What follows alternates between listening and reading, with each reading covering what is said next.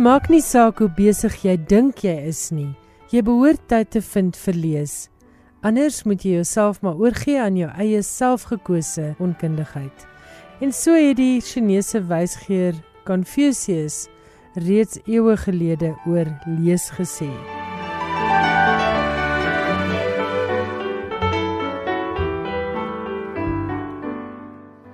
Baie welkom by nog 'n uitsending van Skrywers en Boeke 100 tot 104 FM of wêreldwyd by www.rsg.co.za. Ek is Elsje Salzwetel en in vanaand se program praat ons juis oor so 'n boek wat afgereken het met onkunde, mits mense natuurlik bereid was om dit te lees. En dan is daar 'n gesprek oor 'n klassieke kinderverhaal wat 'n nuwe baadjie gekry het en ons praat van Peter Pan. En Johan Meiberg is ook ouer gewoonte in die ateljee om te gesels oor wat alles nuus is in die internasionale boekewêreld. Ek hoop jy geniet die program. Skrywers en boeke. Alles wat jy oor die boekewêreld wil weet en meer. Die swerfjare van Poppy Nongena wat in die laat 70's verskyn het, word steeds beskou as een van die beste romans uit Afrika wat die 20ste eeu opgelewer het. En nou het Elsa Joubert se klassieke roman splinternuwe lewe gekry op twee fronte. Die roman is weer heruitgegee aan die einde van verlede jaar en daar is ook 'n rolprent wat met elke enkele toekenning by verlede jaar se Silverskermfees weggestap het wat onlangs begin draai het. En vanaand gaan ons gesels oor die roman Die Swerfjare van Poppy Nongena en hoe dit verander is en aangepas is om 'n film te word. En die film Poppy Nongena is tans te sien in teaters. Eerste aan die beurt is Saartjie Botha, die medeskrywer van die draaiboek vir Poppy Nongena. En daarna gaan ons luister na 'n kort stukkie uit 'n onderhoud wat Suzette Kotse Meiberg in 2018 met Elsa Joubert gevoer het, waarin sy 'n bietjie meer lig werp op die swerfjare van Poppy Eerste aan die beurt Saartjie Botha, sy is 'n bekende dramaturg, hoof van die Stellenbosse Woordfees en sy het saam met Christian Olwagen die draaiboek geskryf vir die rolprent Poppy Nongena. Goeienaand Saartjie en baie welkom by Skrywers en Boeke. Baie dankie Elsje. Jy en Christian Olwagen wat ook die regie van Poppy Nongena behartig het, het saam gesorg vir 'n fantastiese draaiboek vir 'n baie aangrypende film. Maar nou het ek 'n vraag en ek wil weet waar begin 'n mens as jy met 'n boek soos Poppy Nongena voor jou sit? Want jy kan tog nie alles in 'n uur en 'n half of 2 ure op die groot skerm sit in 'n storie nie. Nee, ek moet sê dit was 'n 2 en 'n half jaar proses om uiteindelik by die draaiboek die finale draaiboek uit te gekom het. Ek het aanvanklik op my eie gewerk en toe op 'n stadium vir Elena Spring die uh, vervaardiger van die film gesê ek kan nou fisies nie verder voor ek nie weet wie die regisseur is nie want die hele tyd moet jy keuses maak oor wat is in en wat is uit. En veral as jy met uh, so 'n epok verhaal werk van mense met 'n hele lewensloop die roman basies oorspanne tydperk van 36 jaar. Um, en kinders word gebore en kinders word groter. Dis baie verwarrend vir 'n film gooi wat net een keer die geleentheid het om een keer na iets te kyk. As jy byvoorbeeld 'n kind wys in in in 1970 en dieselfde kind in 1974 dan moet dit twee verskillende kinders wees So dit maak uit 'n tegniese en praktiese oogpunt dit verskriklik moeilik. En Christian het op die einde besluit, kom ons kyk of ons alles so nou as moontlik kan saamvoeg in 'n korter tydperk ehm um, dik uh, basies die jaar 1976 en eintlik ook maar net 2 weke in 1976 en in die tydperk al die belangrike gegewe van dat van dat die karakterpoppie min of meer in die Kaap aankom um, kan saam dig verpak in 'n twee weke siklus met werk natuurlik vir film baie beter. Ons het toestemming gevra by Alpha Jobari skrywer of ons radikaal kan omgaan met die skrywersmateriaal byvoorbeeld Poppy se man Stone nie te laat sterf waar hy in die boek sterf nie. Dit het vir ons 'n wonderlike vrypas gegee om te doen wat nodig is vir die film. Um, en toe ons daai besluit gemaak het, het dinge in plek geval. Want ek jy nie jy so 'n geleentheid gehad dat daar langer tonele kan wees waar daar emosionele belegging is en nie net 'n klomp kort toneeltjies om soveel as moontlik inligting in so kort as moontlik tydperk te kan oordra nie. Wat was Elsa se reaksie op die voltooide projek? Het sy al die fliek gesien?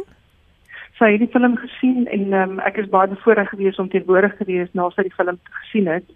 Um, en sy was diep ontroerd en ek dink eintlik op 'n manier verras en verbaas wat wat ons reg gekry het en ek weet ek wil hier so 100% erkenning gee vir Christian. Hy het die radikale moeilike besluite gemaak. Ehm um, maar dit was regtig aangrypend om te sien hoe sy daarop reageer het. Sy het gekyk saam met een van die verpleegsters wat na haar omsien en en die vrou was raar, sy was sy was verpletter. En ek ek dink dit was van 'n bevestiging dat die film met met verskillende mense verskillend praat. En ek ek dink sy is baie trots op dit. Ek dink ek dink sy is tevrede met die film. Sonder net verbaasd te wees. Ek dink ek dink sy sy voel ons het nie te sleg gevaar nie. Ek wil dit 'n bietjie terugneem van waar die besluit om 'n film te maak oor Poppy Nongena want ek weet ander mense het in die verlede daarvan gepraat oor se se filmmakers wou dit doen. Daar was 'n verhoogstuk in die 1980s as ek reg onthou maar van 'n film het daar nooit regtig eintlik iets gekom nie. En toe kom julle span verby en julle kry dit reg. Wat dink jy was die verskil? Wel, ek dink daar's twee redes. Die een is dat die mense wat die beursies vashou regtig um, gesien het dat dit met hulle was uh, teen volle uh, hulle was committed om die Engelse woord te gebruik aan die projek. Karen Meyer van kyk hier na Spring en Sonja Roo van die Alta Trust het eenvoudig gesê die film moet gebeur. Ehm um, maak nie saak wat die ehm um, weet wat dit kos nie. Ehm um, ons moet die geld bymekaar kry en dit het natuurlik nou nie so uitgewerk nie. Uit die aardse saak het daar maar altyd begrotingstekorte. Ek dink ehm um, Suid-Afrika is miskien vir die eerste keer reg om so 'n film te sien. Ehm um, maar dis 'n pynlike film om te kyk. Uh ek dink vir 'n wit gehoor en vir 'n swart gehoor is dit 'n pynlike film. Ehm um, maar ek dink daar is tog iets menslik ehm um, vertroostend aan die film en ek dink ons het dalk in Suid-Afrika juist nou dit nodig. Dis die een ding en die ander ding is dat dat Elsa is diep in haar 90's en ek dink mense sou baie graag as 'n soort van eerbetoon en hulde blyk aan haar die film wou maak dat sy dit kon sien. En weet ek dink daar's min daar's min jare oor en ek is baie dankbaar dat sy dat sy die film kon sien en dat sy dit 100% helder is daar's met haar verstand absoluut niks fout nie. Uit 'n visuele oogpunt, die film lyk soos klein skilderytjies. Maar hoe benader 'n mens so 'n komplekse storie visueel? Ek dink die enigste manier wat jy dit kan benader is om te fokus op die akteurs en die karakters. Clementine Moshimane en Chris Galaba wat Poppy en Stone speel, albei uitstekende gesigte vir film. Daar's baie ekspressie op die gesigte, daar's dimensie in die gesigte. So ek dink Christian se vertrekpunt was om ehm um, baie op gesigspel te gesigspel te fokus. En ek dink uh, daar's eintlik 'n ander soort toneelspel kultuur onder swart spelers. Dis 'n baie eerlike op die mou spel. Uh, dis nie so tegnies soos wat baie van die westerse spel, westers gemotiveerde en westers geïnspireerde spel is nie. En ek dink het hom laat lei deur die akteurs. Daar natuurlik ook nog goed verander op op die op die stel weet. Ons het die teks afgeteken en dan ek weet dat my eendag gebel gesê ons is op die stel skryf gou heel oor. Dit moet in wees en, en dit is wonderlik dat 'n mens daai vryheid het om te sê dit is ons dis die location waar ons beskik is die beperkings dit is wat moontlik is en dit is nie wat wat is nie moontlik nie. En dat 'n mens so weet in die oomblik nog besluite kan maak en dinge kan verander om dit te maak werk want 'n film is maar 'n maakwerk proses. Daar's baie uitdagings, eh, tegniese uitdagings, dis 'n groot span mense wat moet werk. Um, en is 'n moeilike skip om op die op die water te hou. Het jy 'n gunsteling deel in Popinongena, die film en die boek? Of is dit nou soos om vir iemand te vra wie se gunsteling kind? Ek dink dit is 'n bietjie so. Ek moet sê ek het die film seker nou al 10 keer gesien in sy finale weergawe en ek jy omdat die spel so ongelooflik oortuigend is, kyk 'n mens ek dink dit word een persoon dit word nie jy kyk nie na verskillende tonele nie. Jy kyk na 'n karakter en jy en jy volg die karakter en jy so van besluit maar vandag gaan ek saam met Poppy en môre gaan ek saam met Stone. En die dag daarna gaan ek saam met Monzilie die kind. So weet jy daar's verskillende maniere wat jy na die film kan kyk die roman is 'n diggepakte roman ek het geweldig baie van die eerste gedeelte van die swart jare van Poppy Nongena gehou dit is glad nie in die film nie maar dit is 'n fantastiese soort van landskapskildery van wat volg. Ek dink die die die, die roman is ongelooflik goed gekonstrueer dat wanneer jy kom vir die agtergrondgeskiedenis en die agtergrond van karakters van die politiek van die tyd van die hele manier van lewe in die 60s en 70s baie verstaanbaar verpak word, sinvol verpak word dat wanneer daar reg aksie en hartversteurende goed is wat met hierdie familie gebeur, dat jy dit kan verstaan en dat jy verstaan wat die implikasies is vir die familie sonder dat dit elke keer wat tans uitgespel moet word. So ek kan vreeslik baie van die begin van die boek wat nie die film is nie, maar ek dink almal moet die boek weer lees. Ek dink dit is 'n boek wat 'n mens maar uh, meer as een keer in jou lewe moet lewe moet lees as jy in Suid-Afrika bly. En dan moet almal natuurlik die film ook gaan kyk, né? Nee? Ja, ek dink so ek dink mense moet met 'n oop gemoed gaan. Dit is 'n film wat hard praat, maar dit is 'n film oor mense. Dit is nie 'n film oor politiek nie. En ek dink mense moet met daai ingesteldheid daarna kyk. Ons het sover ek weet definitief nog nie 'n Afrikaanse film gesien nie. Ek het gesels met Saartjie Botha, een van die twee draaiboekskrywers van Poppy Nongena die rolprent. Christian Olwagen wat ook die regisseur van die rolprent is, het saam met Saartjie gesorg vir 'n pyk draaiboek. Nou gaan ons luister na 'n uittreksel uit die 2018 onderhoud wat Suzette Kotse Meiburg met Elsa Joubert gevoer het.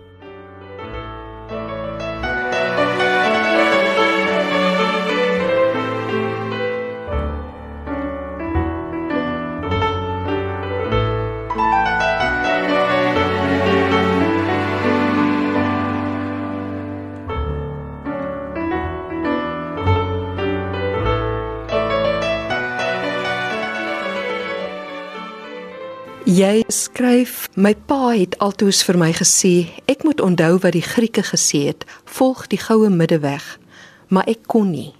Ek het probeer, pappa, maar ek kon nie. Hoe so? Man, dit was nou weer koers by politiek. Jy weet my pa het gesê, "Don't rock the boat." Jy weet, uh, moet nou nie opstaan en, en beklaringen doen. En ek het hom het baie kwalijk geneem, want hy was een leidingsvergier in die Parel en hy kon so baie gedoen het as hy bietjie soms opgestaan het vir wat hy glo maar hy was nie daai soort mens nie. Ek het gevoel as mense almal net altyd die middeweg volg sou nooit enige vordering in die wêreld kom nie want iemand moet uiters wees in hierdie op daai kant toe om verandering te voort te bring Jy sê ook juis in die konteks van NP van Wyk Lou se desjare sy uitspraak in sy boek Loyale Verset. Uh en dan sê jy verset moenie lojaal wees nie. Verset moet skril, sterk, afbreekend wees. En die verhaal dink ek waarvoor almal jou die beste gaan onthou is die swerfjare van Poppy Nongena. Het jy Poppy geskryf wat nie die 78 verskyn het as 'n manier om 'n protes teen apartheid uit te spreek? Absoluut, absoluut. Ek vind dit dit kon nie anders hier moes so wys want die omstandighede en waarin ek ek my medewede ook geleef het en meer gedoen het was skrynend. Ek kon dit daar dan nie meer vat nie. Selfs in die onderwys was dit so ongelyk my sien my kinders kry hulle vryboeke. Sy moet nou ekstra begin probeer verdien om 'n boeke te koop. Ek meen dit is mos skreiend, dit mos baie verkeerd. Man is nou al bekend sy het by my gewerk. En uh, ek sê vir kom nou hier elke dag van 11 tot 12 of wat dan ook al om te gaan ons met bandopnames sit. En ons vat bandopnames dan sal ek het oortik en dan as ek het dan sal daar bandopnames soos boustene wees om 'n boek daaroor te doen. En ons het dit gedoen en die groot ding was dat sy het my my moedertaal gepraat, sy was Afrikaans eintlik. En dit was nog vir my meer skreiend, jy weet. En uh, en so die boek gegroei van al die uh, flenters herinneringe uit ek later op my spaarkamer se bed te pak het in volgorde om te kyk hoe 'n storie ek kan opbou. So dit was baie opbou in die storie. Want Pies vertel nie 'n storie van die begin tot einde, jy vertel mos Flanders. En die reaksie binne die Afrikaanse wêreld van die tyd. Jy was deel van 'n mens wat maar die woord gebruik. Jy was deel van die establishment. Jy was toe al 'n baie gevestigde skrywer, bekroonde skrywer. Het daar negatiewe reaksie na jou toe gekom as gevolg van hierdie storie wat jy vir Afrikaanse mense, Afrikaanse lesers net oopgemaak het. Uh Poppy het 'n enorme invloed gehad binne die hele Afrikaanse wêreld. Het jou eie mense, as ek dit so kan sê, het hulle jou gekritiseer? Maar ja, oorweldigend vir my was want ek het die kriek verwag en ek het dan baie kritiek gekry al in destyds want ek was nou ons net van die skrywersgilde en ons het almal betrokke boeke geskryf maar wat my baie verbaas het. Ek het verskriklik baie pos gekry. En oor die pos het ek nie een soos my man gesê het hartbrief gekry nie. Nie een nie. Want ek het van Engelse mense, van swart mense, van wit mense, van Afrikaners van jonk van oud gekry. My so geroer een man, ou Engelsman uit Natal skryf by, you know for 30 years I had a garden boy and now I have a man with children and with nieces and nephews and grandchildren working in my garden. Dat sy oë so opgegaan het was vir my so beteken jy weet ek was baie ontroer. Eh, wat mense betref het een was baie vooraanstaande man op 'n regeringsvlak en 'n ander een was of was sy vrou en die ander was 'n vrou van 'n predikant en die ander het teer by baat gevind uit die apartheid stelsel en eh, hulle uh, sê vir my die een ek het weer aan aan etenstafel het ek het ek iets gesê en dus die nou as geëet het toe in die slaapkamer kom ons nie sit en probeer toe toe wat sy maar na die vensters toe en sy sê by hulle hoog opgewoon. Kan jy sien daar onder lê die hawe en daar lê baie skepe. Nou klim op een en gaan weg. As ons so sleg is vir jou, klim op een van die skepe en gaan weg. En 'n ander een weet my kom gesê het hoe durf ek my volk se vuil was goed in die openbaar was. Toe sê kom dat dit vuil was. Ek meen ek ek ek niemand anders luister nie hoeveel keer het ek nie by sending kongresse of by kroningspregtighede of by sommer bloot net 'n eh, eh, jaar funksie ek weet van 'n rapportreis het by gevra. En ek het gedink julle weet nie wat julle vra nie maar ek sal gaan. Dus sê ek ek sal net kom as ek kan praat oor die opkomende bladskrywers in Afrika. En dit was toe my hobby eintlik my stokperdjie. En hulle sê goed en wel en hierso na die ete en die drank en hulle almal nou lus is vir 'n paar skeidsgrappe toe staan op al 14 bladsye uit van my studie oor die swart skrywers en ek begin dit vir hulle vertel ek het ingekry my my nie my hou nie maar ingekry waar ek kon het ek my andersins wys ek moet sê een of twee het begin lyk like aan die begin van hulle gaan aan die slaap raak, maar hulle het gou wakker geskrik en geluister. Maar ek het baie kritiek gekry en en, en agter my rug seker op baie meer. Toe jy eh, die taal van Poppy moes doen, Poppy se Afrikaans dan 'n eh, swart Afrikaans. Hoe het jy dit reg gekry? Want ek onthou toe ek destyds die boek gelees het, was dit vir my so treffend, Poppy se Afrikaans. Dit was treffend geweest en my ook getref en ek het uh, soms op band goed laat sê en dan skryf ek dit letterlik neer. Maar ek weet ek moet gaan na Fred Leroux, hy was destyds begin met professor in Stellenbosch en drama. Hy sou dit vers klaar maak. En hy sê vir my dis vir my warabel vir my, weet jy hoe om dit vers klaar te maak. He. So sê ek, kom ons gaan nou sit. Ek weet sy gebruik elke keer as hulle gejaag word of die kinders gevang word, iets dan gebruik sy 'n ander woord vir polismanne. Poliste, polisies, polismanne, ag honderde maniere. So sê ek vir Fred, ek dink ons moet 'n lys maak en net daai gaan ons toelaat. En dan bly ons konstant op daai paar. Ons kan nie al hierdie name Maar jy sien, ek was ek, moet ek dit self sê, ek was in 'n baie goeie posisie om daai boek te skryf want ek het self nie swart taal gepraat nie. Maar uh, ek het as nog baie die drink van Nederlands van my ouma en my oupa in die kerk en die psalms het ons nog in Nederlands gesing en haar ouma was 'n gelowige kerkvrou. En as hulle sing, maar dit vreeslik baie gesing. Die ouma het al die Nederlandse en as hulle bid ook het hulle Nederlandse goed gebruik. En daarbey het hulle Engels 'n soort van uh, township Engels gemeng en hulle het Afrikaans gesê en die tale het mekaar beïnvloed. Hulle het hulle kosse ook gepraat en ander tale ook. Hulle selfs aan die Afrikaanse taal het hulle nuwe betekenisse gegee. En toe sê taalkundiges my dit is wel van vreeslike belang want as dit nou ontwikkel dan kan dit heeltemal 'n nuwe dialek amper begin. Soos byvoorbeeld hulle familie is baie belangrik Die ma, noem hulle nie ma nie, noem hulle tannie. En dan die ma se oudste suster is grootma, né? Die jongste suster is kleinma. Dit was my baie mooi kleinma, grootma, dis soos die tannie opgaan. En Boetie is heeltemal bars die kruisbestuif is Boetie. En daar's baie ander sulke wat ek is nou 'n bietjie daar uit want dit is nou baie lank gelede. En so klink Elsa Joubert. Maak seker dat jy hierdie rolprent gaan kyk en as jy dalk eers die boek wil lees, dit is nou weer algemeen beskikbaar danksy Tafelberg Uitgewers. Jy luister na skrywers en boeke, jou belangrikste bron oor Afrikaanse boeke. Meer as 100 jaar nadat die boek Peter and Wendy deur J.M. Barrie in Engeland gepubliseer is, het Marie Jese 'n pragtige opvolgstorie vir die Peter Pan verhaal geskryf. Haar boek, getiteld Peter Pan en Lorry, het gelyktydig in Engels sowel as in Afrikaans verskyn en is geïllustreer met pragtige illustrasies deur Marjorie van Heerden. Marie Jese is natuurlik nie 'n onbekende as dit kom by die Afrikaanse skryfkuns nie. Sy het verskeie kinderstories gepubliseer en vertaal en sy is ook die skrywer van die baie bekende Die Uurwerk Kantel.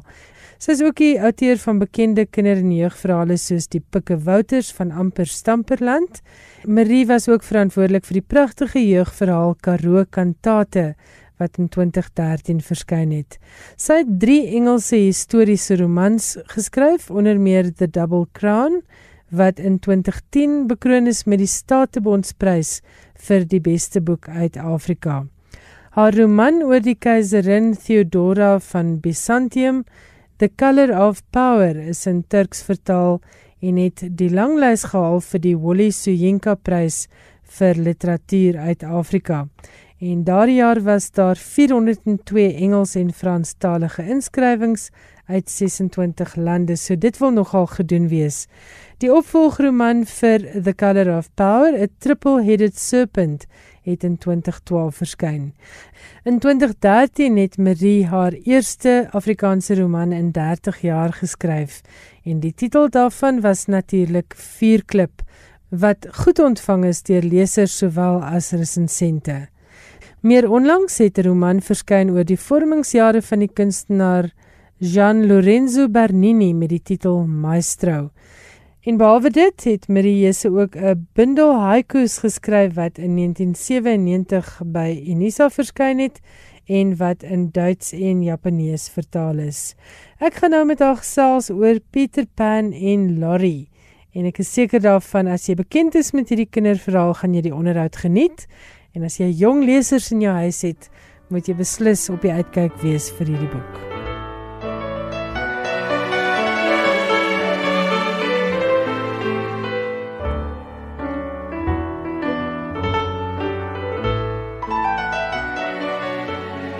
Marie, baie welkom by Skrywers en Boeke, maar nou wil ek weet, hoekom pak 'n mens so 'n projek aan? Ek sou dit nooit gedoen het nie, maar um trend so 14, 15 jaar gelede, toe skryf die Great Ormond Street Kinderhospitaal in Londen 'n kompetisie uit vir 'n vervolg verhaal. Want um J.M. Barrie wat die skrywer was van Peter Pan, het die outeursregte die tantieme bemaak aan hierdie hospitaal. En hulle het baie geld daar uitgemaak, glo ek, oor die jare.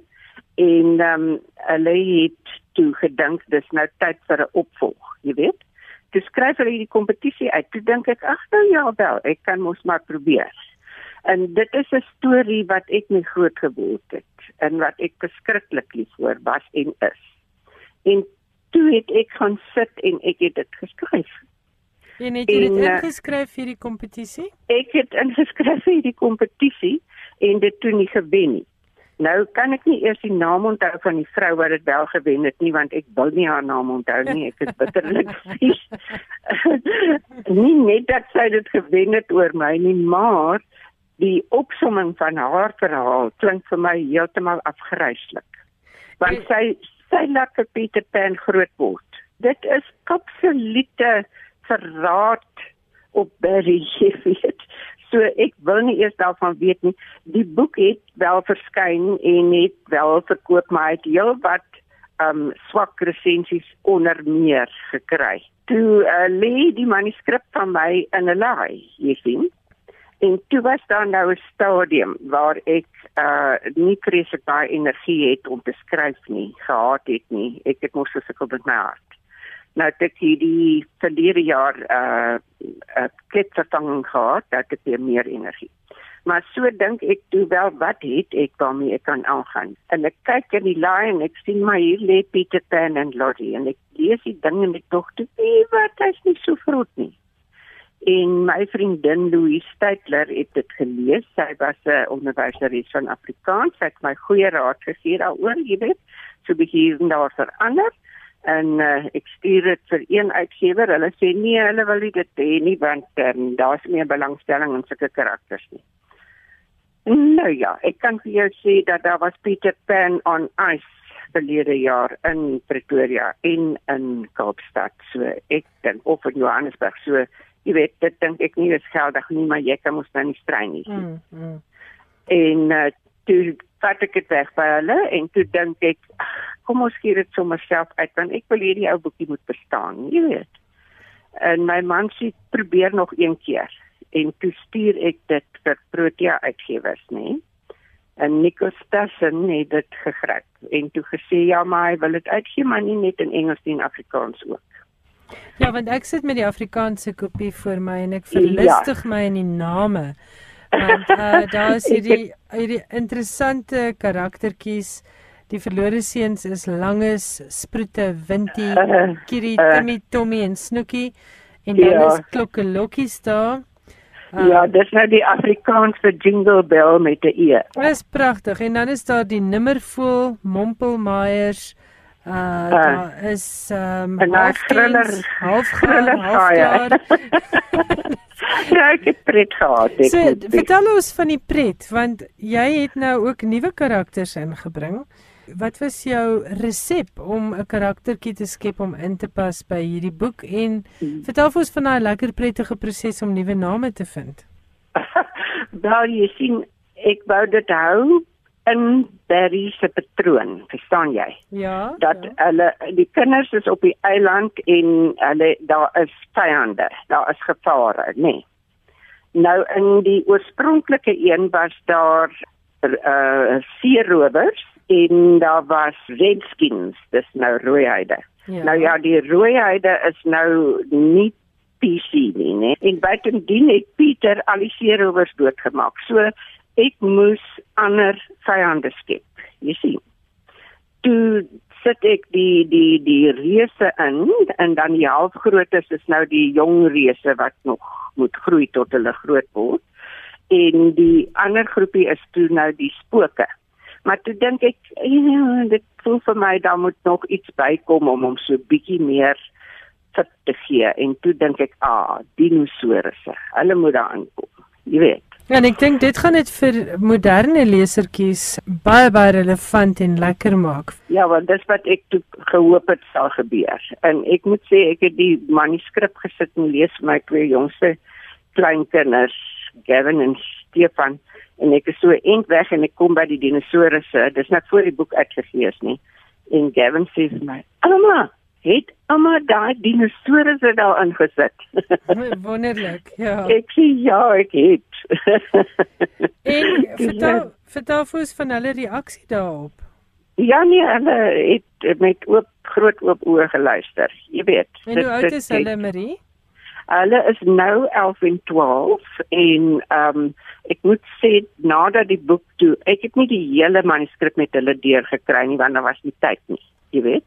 Toe gee ek vir hulle elkeen en my ander kleinkinders ook um Neil en Jean de twee hulle het ook elkeen 'n boek gekry. Jean het opgelet dat die illustrasie so mooi is wat die feit is dis Marjorie ja ons moet nog oor dit praat ja o sy het baie mooi werk gedoen um elke geval toe gee ek hulle elkeen nou 'n voltooide boek en daar het Stefan dit toe deurgelees toe hulle nou van jaar kom kuier hier by Kersfees nee Toe sê ek kom ek wil nou een of twee vrae vra daaroor en ek kyk nou so 'n bietjie versigtig. Ek sê is nie reg of verkeerd nie. Ek wil net jou opinie weet. Mm. Sê vir my, het die boek jou lus gemaak om die storie te lees?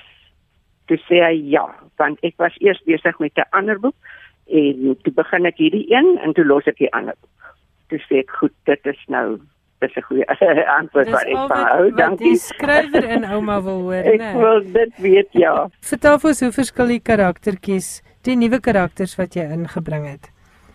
Wel, ek het probeer om vir Pieter Pan dieselfde te hou, né? So Ja. na soos soos wat ek kon. Ek wou nie aan hom torring of verander nie.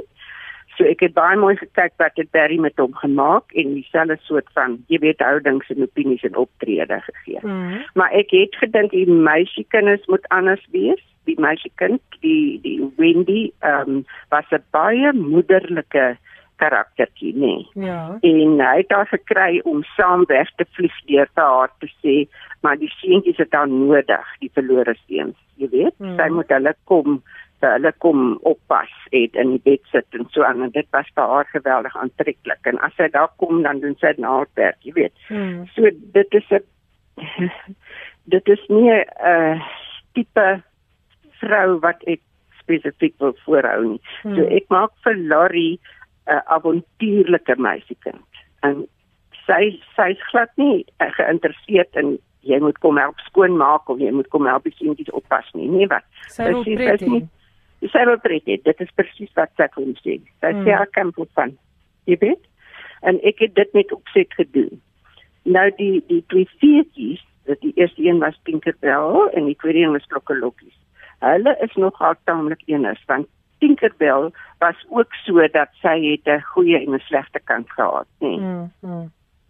en ehm um, sy het ook jy weet kwaad gedoen sonder om nou die hele storie oor te vertel. En nou kom klokkelokkies en sy doen ook kwaad. In die Engelse weergawe is sy Jingle Bell spelled with an E. Ek is nou nog trots op daai naam ook maar. maar klokkelokkies, ek kan nou hoe vertaal jy nou Jingle Bell? Jy weet, jy kan as jy nou mooi lees, dan is sy op die ou einde, daai klein vroulike feetjie is op die ou einde die held van die verhaal. En wat vir my interessant is, uh en ek dink wat vir lesers en aanhangers van die oorspronklike Peter Pan interessant sal wees is jy vertel wel wat het Peter Pan al hierdie tyd tussenin gedoen en waar hy hom Ja. bevind. Ja, jy kan mos nie stories skryf waar hy groot is nie, man. Nee, ek stem saam met jou. Dit is heeltemal verkeerd. Marie, het jy self die Afrikaanse vertaling behartig of uh, Ja, ek het. Goed. Ek En het dit self gedoen. het jy bietjie herskryf tussen die vertalings want ek weet 'n mens kan nou nie net woord vir woord gaan staan Ah. vertaal nie. Ja, net waar ek moes. Partykeer is daar byvoorbeeld uh woordspeling wat Ja. jy in die Engels kan doen en nie in die Afrikaans kan doen nie. Maar dan het ek gevind dan gee die Afrikaans weer vir jou 'n ander moontlikheid. Jy weet. Ja, ja. soos die Afrikaanse vertaling van half tooth wat nou hierdie reus is van wie die helfte van sy gesig weg is. Die Afrikaanse vertaling is half gevreet wat vir jou 'n woordspeling gee, jy sien. En dan die uh, illustrasies, het jy vir Marjorie gekies of hoe dit gewerk? Nee, die uitgewer sou daarvan om hulle eie, jy weet, keuses te maak, maar hulle het vir my voorbeeld gestuur van haar werk. En die oomblik toe ek dit sien, toe sê ek ja, ek dink dit is die regte persoon om dit te doen en ek glo sy het regtig dit baie baie mooi gedoen. Wat vir my opval daarvan, dit gryp so half terug na die kinderboek illustrasies van my tyd, maar met 'n baie baie moderne inslag. So ja, dit dit pas vir my by die dit nogal reg. Ja. Mm, sy kry dit reg, ja, En om Marie, albei te doen. skryf jy op die oomblik aan iets anders? Nee. nou, Is dit nou eers 'n ruskans en kans om die 200 en ietsie bladsye van Peter Pan te herlees? Ja, nee, ek weet nie of ek weer 'n lang ding gaan skryf nie. Ek is nou 'n bietjie op. goed, goed. maar baie dankie dat jy met ons gesels het oor Peter Pan en Lori. Dit is 208 bladsye van pure pret en ek sou dit aanbeveel. Nee, dis meer, dis 213 bladsye. Ek sou dit beslis aanbeveel vir alle kinders wat alself kan lees en ek reken nie van 8 jaar oud af, né? Nee. Ja, ek glo so. Ek dink die eintlike tekengroep is hier om en by 12, maar jy weet as ek jeugverhaal goed is, dan kan enige ouderdom dit lees. Ja, en dit kan ook voorgeles word. Ek dink dit kan nog 'n ja. lekker voorleesboek wees wat mense hele paar maande kan besig hou saans. Ja, ja, nee, dit is so. Marie baie dankie vir Pieter Pan en Lori. Baie dankie dat jy met my gepraat het. Ek het gesels met Marie Jesse en ons het gepraat oor Pieter Pan en Lori wat einde 2019 by Protea Boekhuis verskyn het. Ons sluit ouer gewoonte vanaand se skrywers en boeke af met Johan Meiburg se bydrae. Johan, hallo. Baie dankie, hallo. Hoe gaan dit? Ja, dit gaan goed, dankie. Jy het vir ons baie lekker uiteenlopende nuus weer vanaand in jou insetsel en jy skop af met iets oor 'n nuwe letterkundeprys. Ja, teen 2022 behoort daar 'n nuwe letterkundeprys te wees waarvoor skrywers in Noord-Amerika kan meeding met 'n prysgeld van iets soos 2,3 miljoen rand. Vir die Carol Shields Fiksieprys kwalifiseer Amerikaanse en Kanadese vroue skrywers en skrywers wat as vroue identifiseer in boeke in Engels wat in die FSA en Kanada gepubliseer is of wat uit Frans of Spaans vertaal is, kom in aanmerking. Die skrywers moet burgers van die FSA of Kanada wees en minstens 5 jaar in die land woon. Die prys word vir die eerste 3 jaar gesteun deur 'n anonieme korporatiewe borg. Aldus CBC Books het Susan Swan, Kanadese skrywer en een van die stigterslede van die prys, gesê 150 000 dollar is 'n mooi ronde getal Dis 'n bevestiging van ons oortuiging dat die roem van vroue skryfwerk goed beloon moet word. Swan het onder meer statistieke nagegaan wat daarop dui dat vroue skrywers verreweg aan die kortste end trek wanneer dit kom by resensering in publikasies. Boonop het sy gesê is die Nobelprys vir letterkunde sedert 1910 nog net by 15 geleenthede aan vroue toegekend In slegs 'n derde van die wenners van Kanada se oudste literêre prys, the Governor General's Fiksie Prys, was vir vroue. So swond dit stel, die syfers krimp nog verder wanneer dit kom by vroue van kleur en nie-binêre skrywers. As voorbeeld het sy na Bernardine Evaristo verwys wat verlede jaar die eerste swart vrou geword het om die Booker-prys te wen, weliswaar saam met Margaret Atwood. Ons oogmerk is om selfs verder as ras en etnisiteit te kyk en ook queer vroue, werkersklas vroue, vroue met gestremthede en transgender vroue in te sluit. Aldus Swan. Drie beoordelaars word in die vooruitsig gestel: 'n Kanadese en 'n Amerikaanse beoordelaar en dan ook 'n derde beoordelaar van buite die twee lande. 'n Lang lys van 15 boeke sal jaarliks in die noordelike lengte aangekondig word daarna 'n kortlys van 5 en dan die wenner. Die vier finaliste ontvang prysgeld ter waarde van net minder as 200 000 rand elk. Carol Shields wat in 2003 in die ouderdom van 68 dood is, is een van Kanada se bekendste skrywers, 'n benewensskrywer ook digter en dramaturg. Haar roman van 1993, The Stone Diaries, het die Governor General Prys asook die National Book Critics Award en die Pulitzer Prys gewen. Haar laaste roman, Unless van 2002, was op die kortlys van die Man Booker Prys.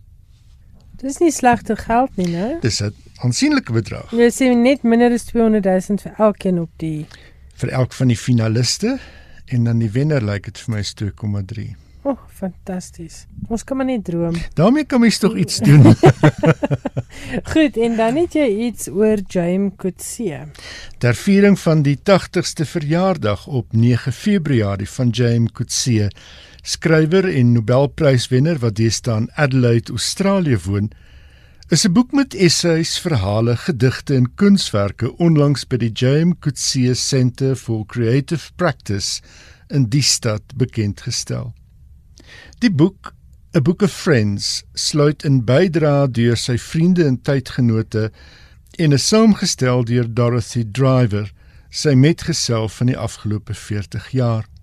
Coetzee is die eerste skrywer wat die Booker-prys twee keer kon verower, in 1983 vir Life and Times of Michael Kay en in 1999 vir Disgrace. Die Nobelprys vir letterkunde is in 2003 aan hom toegekend. Driver is emerita professor aan die Universiteit van Kaapstad waar sy jare lank klas gegee het. Sy was van 2005 tot 2016 professor in Engels en kreatiewe skryfwerk aan die Universiteit van Adelaide. Haar navorsingsveld is veral die Engelstalige letterkunde van Suid-Afrika. En dan het jy vir ons die wenner van die Costa Prys. Nou jy het al 'n bietjie oor die finaliste gesels, maar wie het toe nou uiteindelik weggeloop met die prys? Hulle doen dit mos so dat hulle in 5 kategorieë Costa wenners aankondig. En dan, en dan later 'n maand of wat later dan kondig hulle die Costa van die boek van die jaarprys ja, aan. Ja ja, so dis hy wat nou Dis nou hy wat nou aangekondig is. The Volunteer, die biografie oor die lewe van die Poolse weerstandsdigter Witold Pilecki, is onlangs aangewys as die Costa boek van die jaar. Die boek het die skrywer Jack Fairweather vroeër vanjaar reeds dan die Costa biografieprys besorg. Net vinnig sy teestanders in die Costa van die boek jaarprys. Dit was Jonathan Coe, wenner van die romanprys met Middle England, Sarah Collins, wenner van die debuutromanprys met The Confessions of Franny Langton, Mary Jean Chan wenner van die poesieprys met haar debuut Flash en Jasbinder Asha wenner van die prys vir kinderboeke met Asha and the Spirit Bird.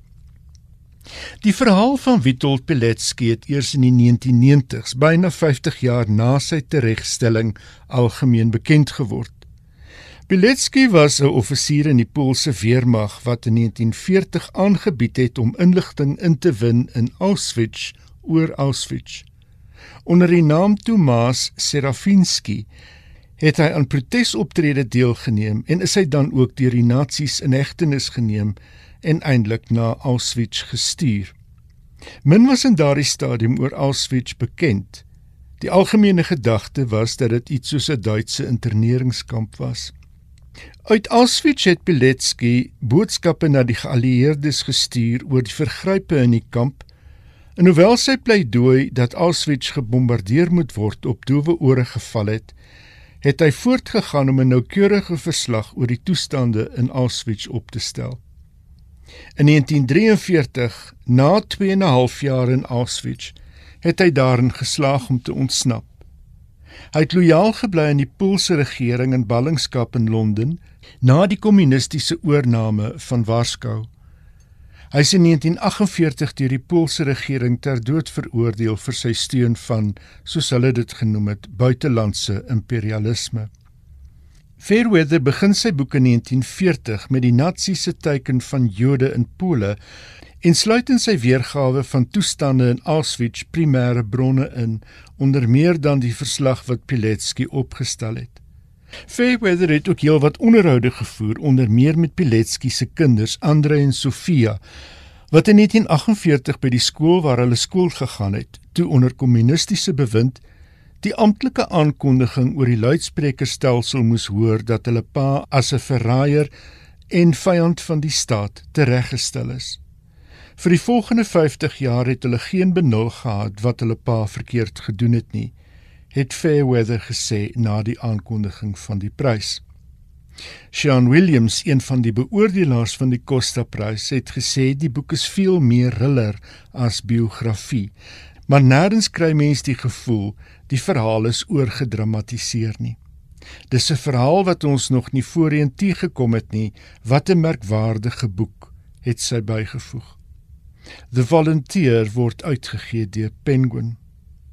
Hier is Jack Fairweather in 'n onderhoud einde verlede jaar aan die woord oor wat hy meen sy navorsing beteken vir Pilecki se kinders, die mense van Pole en ook die res van die wêreld. Well, I think, you know, for the family, Pilecki's story was hidden from both them, from Poland for so many years, um, built into Pilecki's story is his attempt to inform the world about what was happening in Auschwitz. Um, it's a message, you know, I've really felt compelled to have to share through through the research, through five years of following in his footsteps. Um, so I get to meet Andre, and I've told him that the book's being translated into 12 languages. It's you know won an award. There's all these crowds coming to hear about his father's story across the states, and you know finally Poletsky's message, you know about the horrors of Auschwitz, is reaching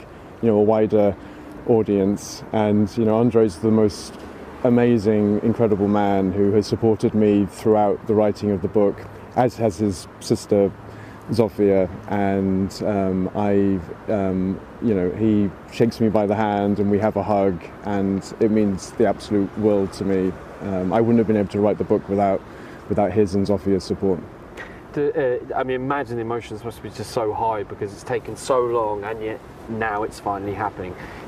I did once quiz you about films and whether there might one day be a film about this incredible subject. Can you enlighten our viewers about that particular subject?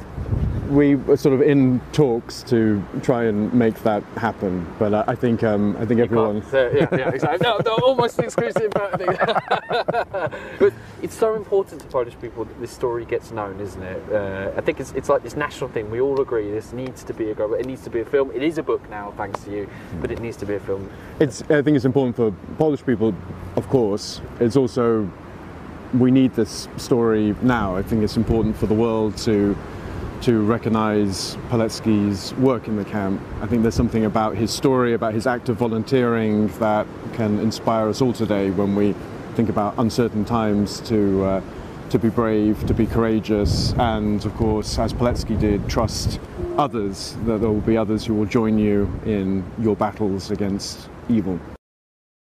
Dit was die stem van Jack Fairweather en hy is die skrywer van The Volunteer wat onlangs aangewys is as die Costa boek van die jaar. Johan, die storie gee mense omtrent koue rillings, hè, om te dink iemand gaan vrywilliglik Ja. na so 'n situasie en betaal uiteindelik die hoogste prys.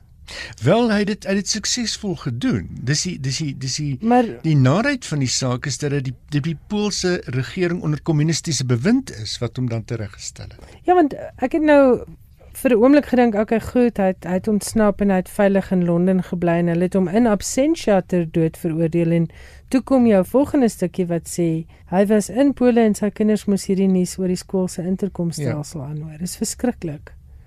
Maar baie dankie. Nog 'n boek vir ons leeslysies en ek dink die Costa boeke is altyd die moeite werd om te lees. Johan, baie dankie. Ons gesels dan volgende Woensdag aand weer. Baie dankie.